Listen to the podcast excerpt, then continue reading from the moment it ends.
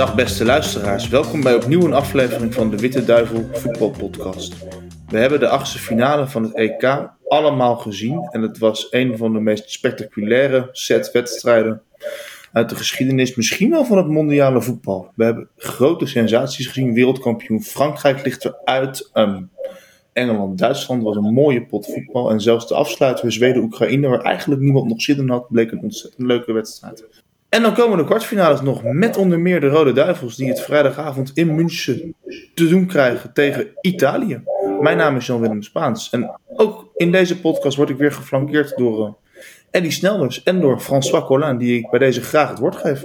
Dankjewel, Jan-Willem. Uh, Eddie, uh, wat is je globale conclusie na de achtste finales van dit EK? Uh, dat er een, uh, een, een, de nivellering of de afstanden tussen de toplanden en tussen de andere landen, dat die merkelijk kleiner aan het worden is. Uh, die verrassingen die er nu zijn, die, dan moet je alleen maar uit constateren dat, dat, ja, dat er een, een, een vernauwing is, dat die, de toplanden bespeelbaar zijn en dat je daardoor ook uiteraard meer en meer verrassingen kunt hebben. Dat hebben we ook eh, in deze ronde gezien. Als je ziet de groep des doods, die werd aangekondigd als zijnde van oei oei, gelukkig dat je daar niet bij bent. Dat is al de grootste moeite met Hongarije, wat toch eigenlijk nog altijd een voetbaldwerg is. Maar goed, je had wel wat thuisvoordeel, maar desalniettemin. En eh, toen dat, dat dan toch nog met veel moeite werd omzeild, ja, liggen ze nu alle drie uit. Dat, dat zegt genoeg, hè. Dat, dat zegt Portugal tegen België kan je nog zeggen, goed, oké, dat was een wedstrijd met heel veel weerwerk en dat komt alle kanten uit, maar het is verkeerd gedraaid voor de Portugezen. En uh, de andere twee, ja, daar moeten we niet te veel uh, bij maken. Frankrijk uh, is, is over, overruled geweest door Zwitserland op een heel spectaculaire manier. En um, Duitsland is, zoals Jan Wilmer het ook aanhaalde, is ook op een okay, op, een, logische manier, op een, op, in, in de wedstrijd voor op een logische manier eigenlijk uh, verloren. Kan je wel zeggen, ja, als uh, Muller die kans scoort en dit en dat, maar al bij al bekeken was het wel een verdiende overwinning van de Engelsen. Daarbij komt dan nog dat Kroatië, waar we natuurlijk al van wisten dat het dan een iets oudere ploeg aan het worden was, dat die ook nog uitgeschakeld zijn. Dus alles, alles zit een beetje door elkaar. Dus er is een echte nivellering. De, de, de kleinere landen die uh, geven veel weerwerk en niet meer alleen weerwerk, maar ook naar resultaten toe. Dus het is eigenlijk naar het voetbal toe dat wel een goede zaak. Ja. Heb je daar een verklaring voor, voor het feit dat de toplanden het laten afweten? Well, dat is verschillende redenen. Hè. De, bijvoorbeeld Kroatië is omdat er uiteraard een, uh, een, een, nieuwe uh, generatie moet aankomen. Dat is een soort verouderingssysteem waar de duivels tussen nu een aantal jaren ook wel mee geconfronteerd gaan worden voor een gedeelte. Uh, je hebt uh, ook, uh, Duitsland zit ook al langer in die verjongingskuur die nog niet helemaal doorgedrongen is, waardoor dat er toch nog altijd problemen zijn. De ouderen daar moeten nog wat trekken en dat is ook al moeilijker. Dus dat zijn natuurlijk redenen. bij Frankrijk vind ik het vooral hoogmoed. De Fransen is een, is een ploeg die vooral teren op hun talent en niet op hun wilskracht. En meestal is het talent voldoende. Nu blijkt dat tegen de Zwitsers niet voldoende te zijn. Maar uh, je hebt daar uh, verschillende redenen voor, maar uh, welke reden het ook is, het feit is dat er wel een nivellering is. Ja. Ehm, was België-Portugal de minst aantrekkelijke wedstrijd uit de actiefinales of ben ik te streng? Als je dat bekijkt als neutraal toeschouwer, denk ik dat je alleen maar kan teren op de, op de spanning, dus de spankracht. Wat het voetbal zelf betreft, was inderdaad een van de matigste wedstrijden. Hè. Heel weinig doelkansen, veel veel verkenningsrondes uh, gedurende de wedstrijd. Uh, weinig spektakel, kansarm. Dus dat wil zeggen, ja, dan heb je als neutrale toeschouwer natuurlijk niet veel aan. Wij zitten in een ander, in een ander perspectief. Wij, wij bekijken het iets anders, omdat wij natuurlijk meer met de duivels gelieerd zijn. En dan, ja, dan, dan heb je natuurlijk liever dat het vooral gewonnen wordt en, en is de spektakelwaarde van minder belang.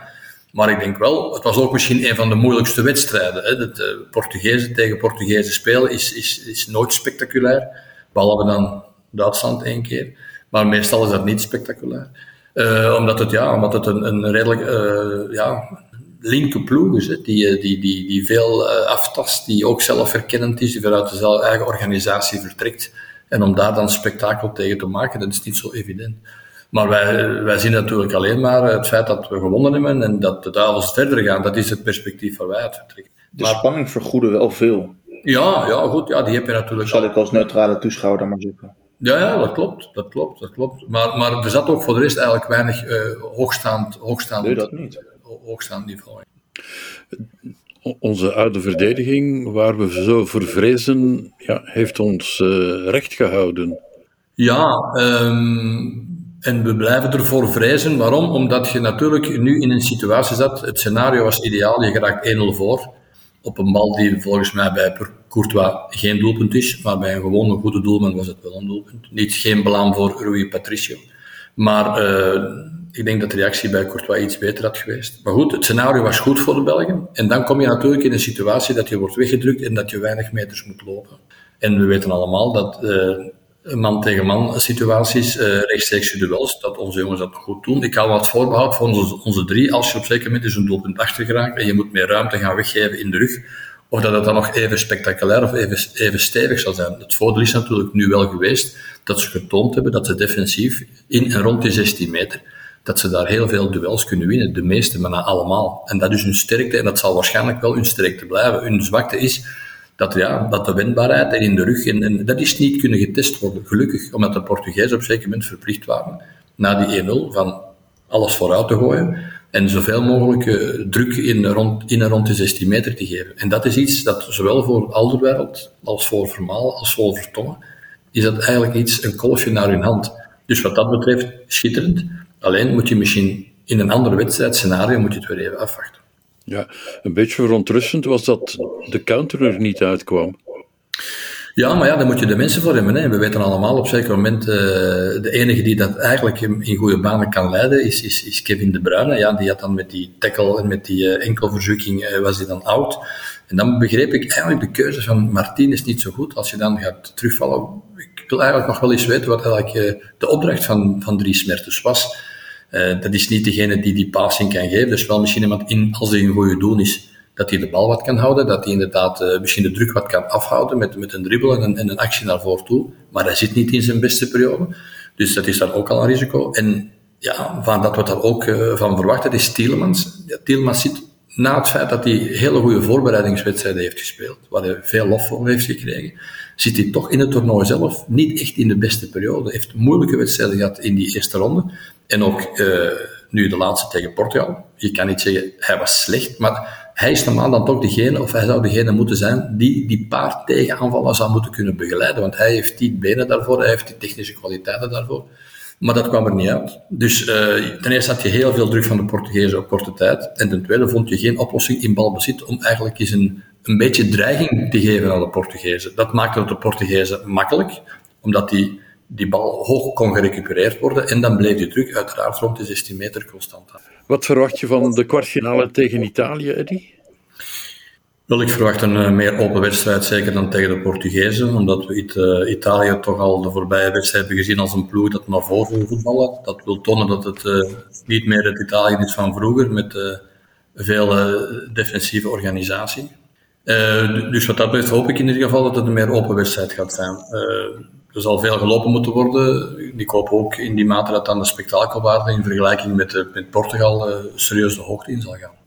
En wat zijn je voorspellingen voor de andere wedstrijden? Zwitserland-Spanje? Ja, het is moeilijk om te voorspellen. Hè. De, de kloof is veel dichter. Ik geef de Zwitsers evenveel kans aan de Spanjaarden. Ook al zeg je, ja, de Zwitsers in de eerste ronde. Ja, het was toch ook niet altijd van dat. Maar als je dan weer ziet spelen tegen, tegen Frankrijk, dan denk je, ja, die, die ploeg in de knock-out fase is die dan toch helemaal anders. Dat is een ploeg die vroeger ook al de Belgen het moeilijk heeft gemaakt. Dus die gaan het toch de Spanjaarden moeilijk maken. Is dat dan een reden of een, een weg naar succes, naar een overwinning? Dat is weer wat anders, dat weten we allemaal. Dat, de, de momenten zijn er niet altijd, uh, of, of, worden niet altijd gegrepen. Maar ik verwacht daar opnieuw een, een, een gedreven Zwitserland, dat het de Spaarden zeker heel moeilijk gaat maken, zelfs met kans op succes. Uh, Tsjechië-Denemarken, dat lijkt helemaal een open wedstrijd. Ja, wat ik de Denen eigenlijk uh, toch de meeste kansen geef. Ik vind de Denen, die hebben de enige ploeg die het de Belgen echt moeilijk hebben gemaakt, waar de Belgen eigenlijk hadden moeten tegen verliezen. En die nadien ook, uh, oké, die hebben de eerste wedstrijd tegen Finland uh, de shock Eriksen moeten verwerken. Die hebben dat al verwerkt uh, tegen België, ook al hebben ze toen verloren. Maar die was toen al wel verwerkt, dat zag je heel goed op het veld.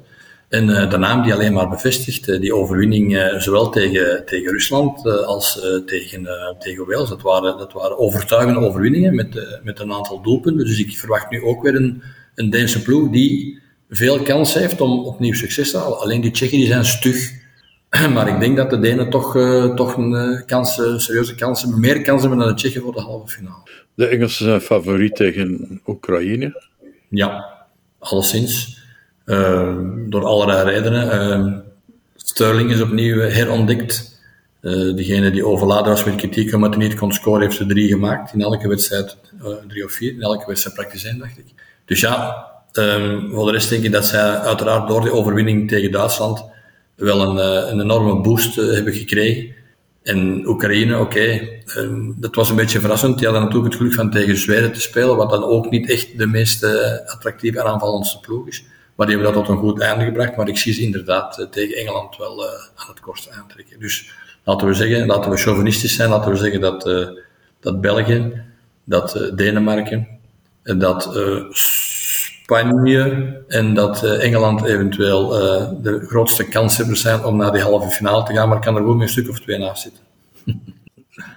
Zo zit dat in het voetbal nu eenmaal, Eddie. Zo is het helemaal. Logica wordt niet mee gerespecteerd, want anders waren het altijd dezelfde landen die uh, wereldkampioen en Europees kampioen werden. Uh, maar het zit niet meer zo. Het is inderdaad een, uh, een veralgemening geworden. Dus alles is dichter naar elkaar gegroeid en dat maakt het inderdaad boeiend. Um, ik dank nogmaals iedereen voor het luisteren en ik hoop jullie volgende week te treffen als uh, halve finalist op het EK. Tot dan.